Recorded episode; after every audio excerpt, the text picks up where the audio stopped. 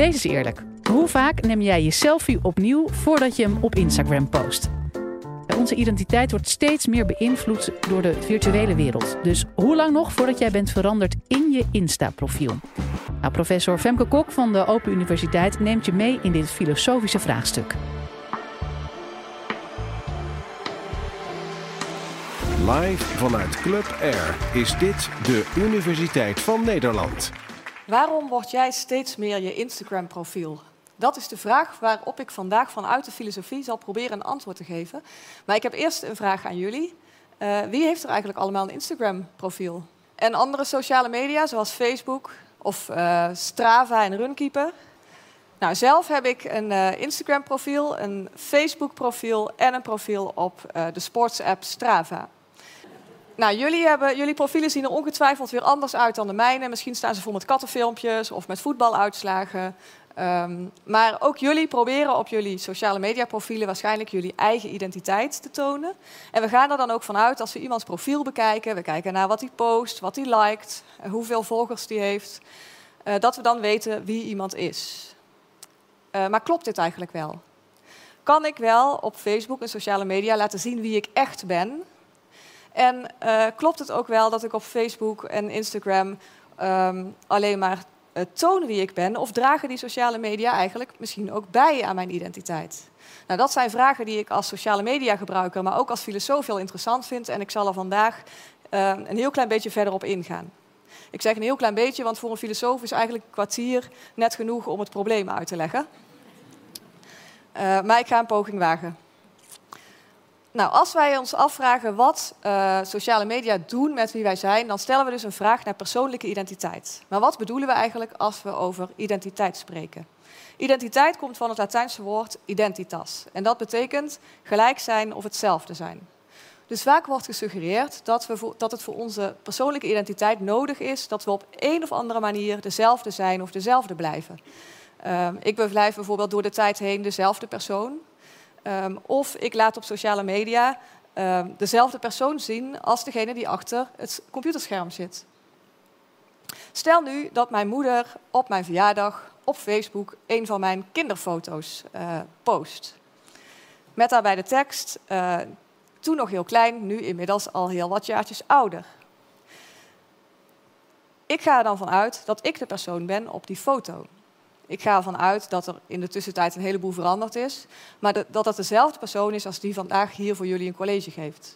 Uh, toch kan ik me niet herinneren dat die foto is gemaakt. Ik kan me de gebeurtenis ook niet herinneren. Ik identificeer me echter wel met die foto en ik post hem door op Facebook. Ik plaats hem op mijn profiel en, en laat zien, kijk, dit ben ik.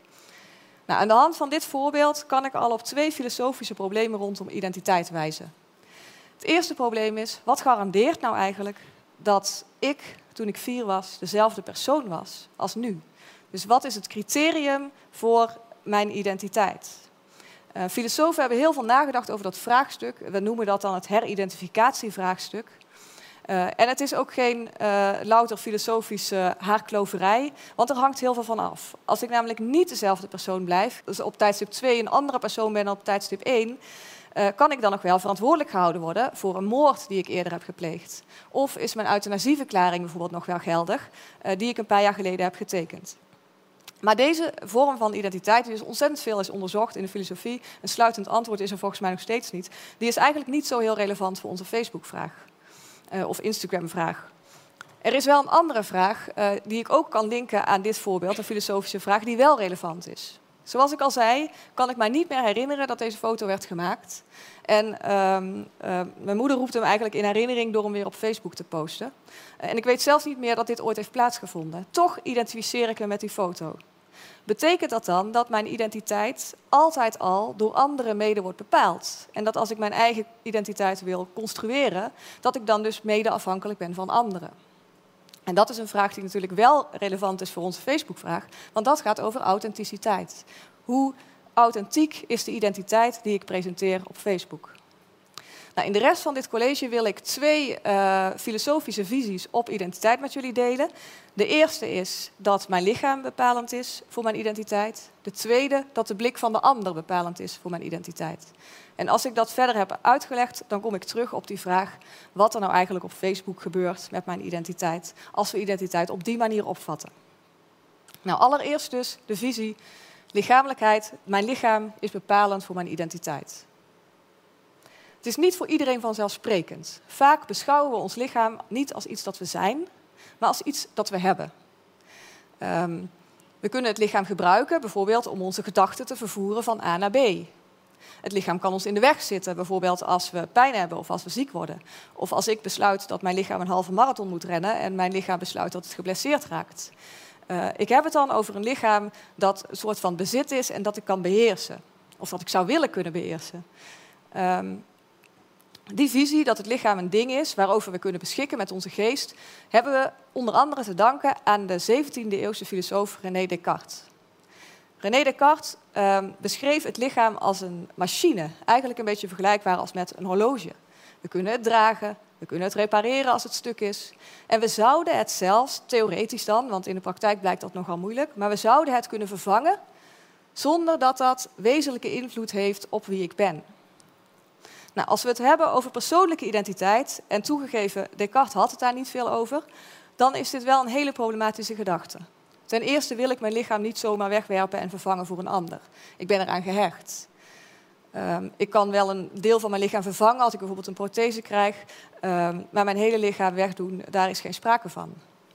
Ten tweede is het maar de vraag of het echt geen enkele invloed heeft op wie ik ben, uh, hoe ik belichaamd ben.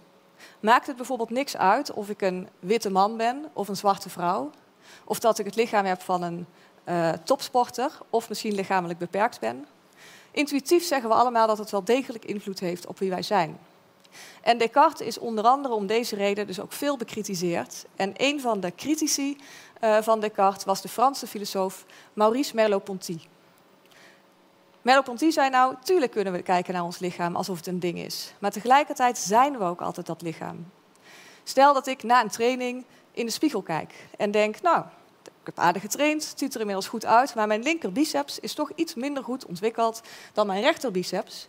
En ik ren vervolgens naar de sportschool om daar iets aan te doen. Op dat moment beschouw ik mijn lichaam eigenlijk als een ding. Ik neem ten opzichte van mijn eigen lichaam de, het perspectief in van een toeschouwer. Maar, zegt Merleau-Ponty, dat is niet het enige perspectief dat ik op dat moment inneem. Want ik kan die ervaring, die ontevredenheid alleen maar voelen en ervaren als ik tegelijkertijd zelf ook een levend, voelend en ervarend lichaam ben. Merleau-Ponty stelt dus, we hebben weliswaar een lichaam, maar we zijn altijd het lichaam dat we hebben. En dat heeft consequenties voor mijn identiteit. Want dat betekent dat uh, het lichaam dat we zijn uh, bepalend is voor wie wij zijn, en dat bijvoorbeeld ook de dingen die mijn lichaam kan bepalend worden voor mijn identiteit. Nou, wat kan dat lichaam allemaal? Dat kan onder andere denken. Uh, dat kan, zoals we net zagen, objectiveren. Dat kan ontmoeten, uh, neurien, uh, vrijen en nog veel meer. Merleau-Ponty stelt dus in het kort dat ik het lichaam ben dat ik heb en dat wat ik kan bepalend is voor wie ik ben. Wat dat voor invloed heeft in de virtuele ruimte, daar kom ik uh, straks op terug. Want eerst wil ik nog even naar die andere visie die ik al kort even noemde. Namelijk dat de blik van de ander ook belangrijk is voor wie wij zijn. En dat wil ik illustreren aan de hand van een beroemd voorbeeld van de Franse filosoof uh, uh, Foucault. Foucault schreef in zijn boek Discipline, Toezicht en Straf, beschreef hij de moderne gevangenis het panopticum. Een gevangenis die is ontstaan in de 18e eeuw. Architectonisch model van die gevangenis noemt hij het panopticum. Het panopticum is een ringvormig gebouw. Het is dus een gevangenis. In het midden staat een toren. Uh, en die toren heeft aan alle kanten ramen. Die ramen kijken uit op de cellen in de ring. Die cellen worden nou permanent uh, verlicht door een van de ramen in de cel. En het andere raam in de cel is continu in verbinding met een van die ramen van de toren. Dat betekent dus dat als er een bewaker aanwezig is in die toren, hij die gevangenen altijd kan zien. Die gevangenen zijn permanent zichtbaar. En Foucault beschrijft dat zelf, um, zegt hij van, iedere cel is een klein theater waarin de acteur uh, alleen is. Volmaakt geïndividualiseerd en permanent zichtbaar. Het systeem is nu dat die gevangene die zich continu bekeken weet, of er nu wel of niet iemand in de toren zit, Ehm, hij weet namelijk niet of er iemand in de toren zit. Het enige wat hij weet is dat hij altijd bekeken kan worden. En juist daarom, zegt Foucault, gaat die gevangene zich gedragen. Omdat hij altijd kan worden bekeken door de ander. Nou, wat heeft dat te maken met identiteit? Het gaat hier immers om een gevangenis. Ehm, een hele specifieke situatie. Maar Foucault die trekt dat idee van die panoptische macht veel breder. Die zegt, kijk eens even om ons heen in onze moderne samenleving. Overal zijn toezichtscamera's bijvoorbeeld. Er is een bureaucratie ingesteld om ons uh, werk te controleren. Uh, de ziektekostenverzekering controleert of wij gezond leven om ons misschien een korting te geven. Overal is sprake van die panoptische macht. En een van die kenmerken van panoptische macht is nu dat we de norm van die panoptische macht uiteindelijk internaliseren. We maken die normen onze eigen normen. En langzaamaan gaan we denken dat die normen die we eigenlijk kregen opgelegd van onszelf zijn. Zo bepaalt de blik van de ander dus mede wie ik ben. Je kunt je bijvoorbeeld, een voorbeeld is dat mensen vandaag de dag massaal stappentellers dragen. Ik heb er zelf trouwens ook een. Uh, om te kijken of ze wel genoeg bewegen. Maar is die wens tot genoeg bewegen, is dat mijn eigen authentieke wens? Of wordt die mij opgelegd door de panoptische macht? In onze identiteit, zegt Foucault, zit dus eigenlijk altijd al een inauthentiek element. En dat is interessant voor onze Instagram-vraag. Want wat doen we op sociale media? Daar gaan we ons voortdurend uh, onderwerpen, vrijwillig, aan de blik van anderen. Nou, nu hebben we dus vastgesteld dat het lichaam dat ik ben bepalend is voor mijn identiteit en wat ik kan. Uh, maar ook de blik van de ander is belangrijk voor wie ik ben. Nou, dan kunnen we terug naar Facebook en Instagram. Wat doen we daar eigenlijk? Uit onderzoek blijkt dat we twee soorten informatie delen op Facebook en Instagram. Uh, we liken en delen bijvoorbeeld merken, films, muziek en evenementen om te laten zien wie we zijn. Dat is de ene. De ander is dat we prestaties delen en unieke ervaringen. Uh, we hebben bijvoorbeeld een berg beklommen. We hebben een heel mooi schilderij gemaakt. Uh, of we hebben een nieuwe hond waar we helemaal dol op zijn. Die delen we dan op sociale media door middel van foto's, video's en tekst. Nou, zo bezien zouden we sociale media kunnen opvatten als een uitbreiding van ons uiterlijk in de virtuele wereld. Want ook in het analoge leven presenteer ik mij aan andere mensen door middel van een buitenkant. Een biologisch lichaam, de kleren die ik draag en de auto die ik rijd. En door middel van taal, het gesproken woord of misschien lichaamstaal. En op sociale media doen we datzelfde, maar dan dus met foto's, video's en tekst. Maar er zijn ook verschillen. Want sociale media werken onze neiging in de hand om uh, onszelf te kwantificeren en te objectiveren. En uh, dat gebeurt omdat wij op sociale media in staat zijn om ons te spiegelen aan de profielen van anderen. En uh, om onze prestaties te vergelijken met honderden anderen. Wat in het analoge leven natuurlijk niet zo makkelijk gaat. En het, meest, het best wordt dit misschien nog wel duidelijk uh, aan de hand van sportprestaties. Die delen we massaal op Strava, Runkeeper, maar ook op Facebook.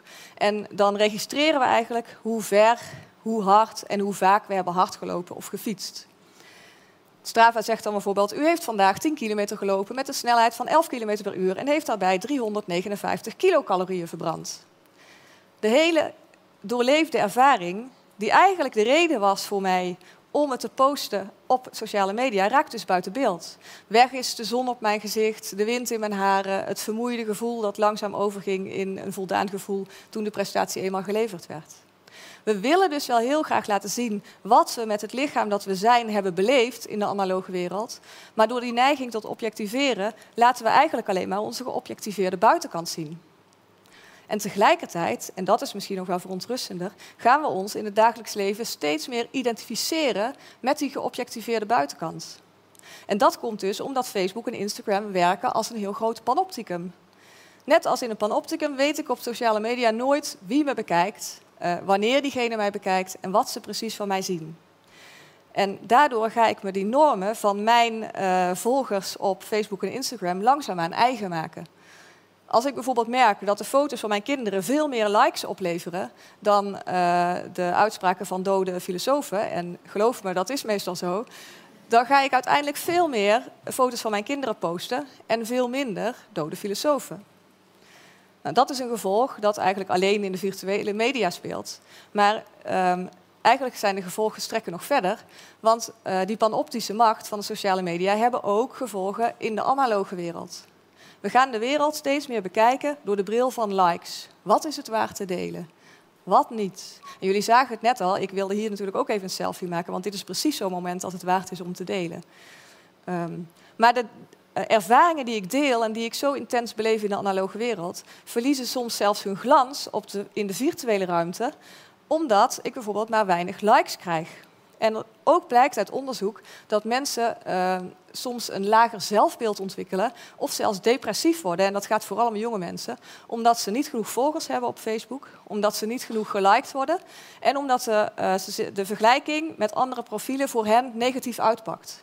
Ik ben bijvoorbeeld heel sportief. Maar mijn zus, die is nog veel sportiever en die gaat ook nog naar veel meer feestjes. Mijn zus liep gisteren 36 kilometer. En ik legde ook 37 kilometer af, maar ik was op de fiets.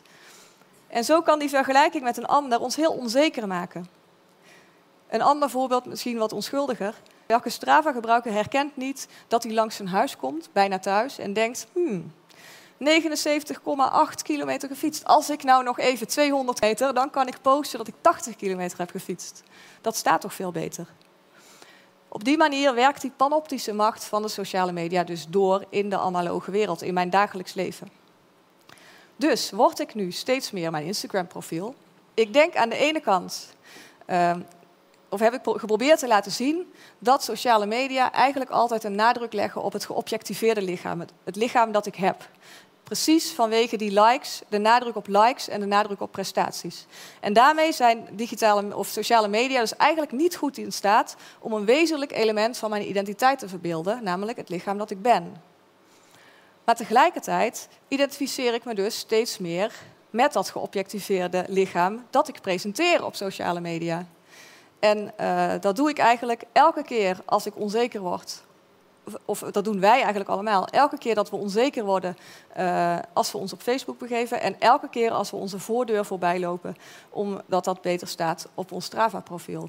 En zo worden wij dus steeds meer ons Instagram-account en steeds minder onszelf. Dank u wel. Wil je nou meer afleveringen van de Universiteit van Nederland horen? Check dan de hele playlist en ontdek het antwoord op vele andere vragen.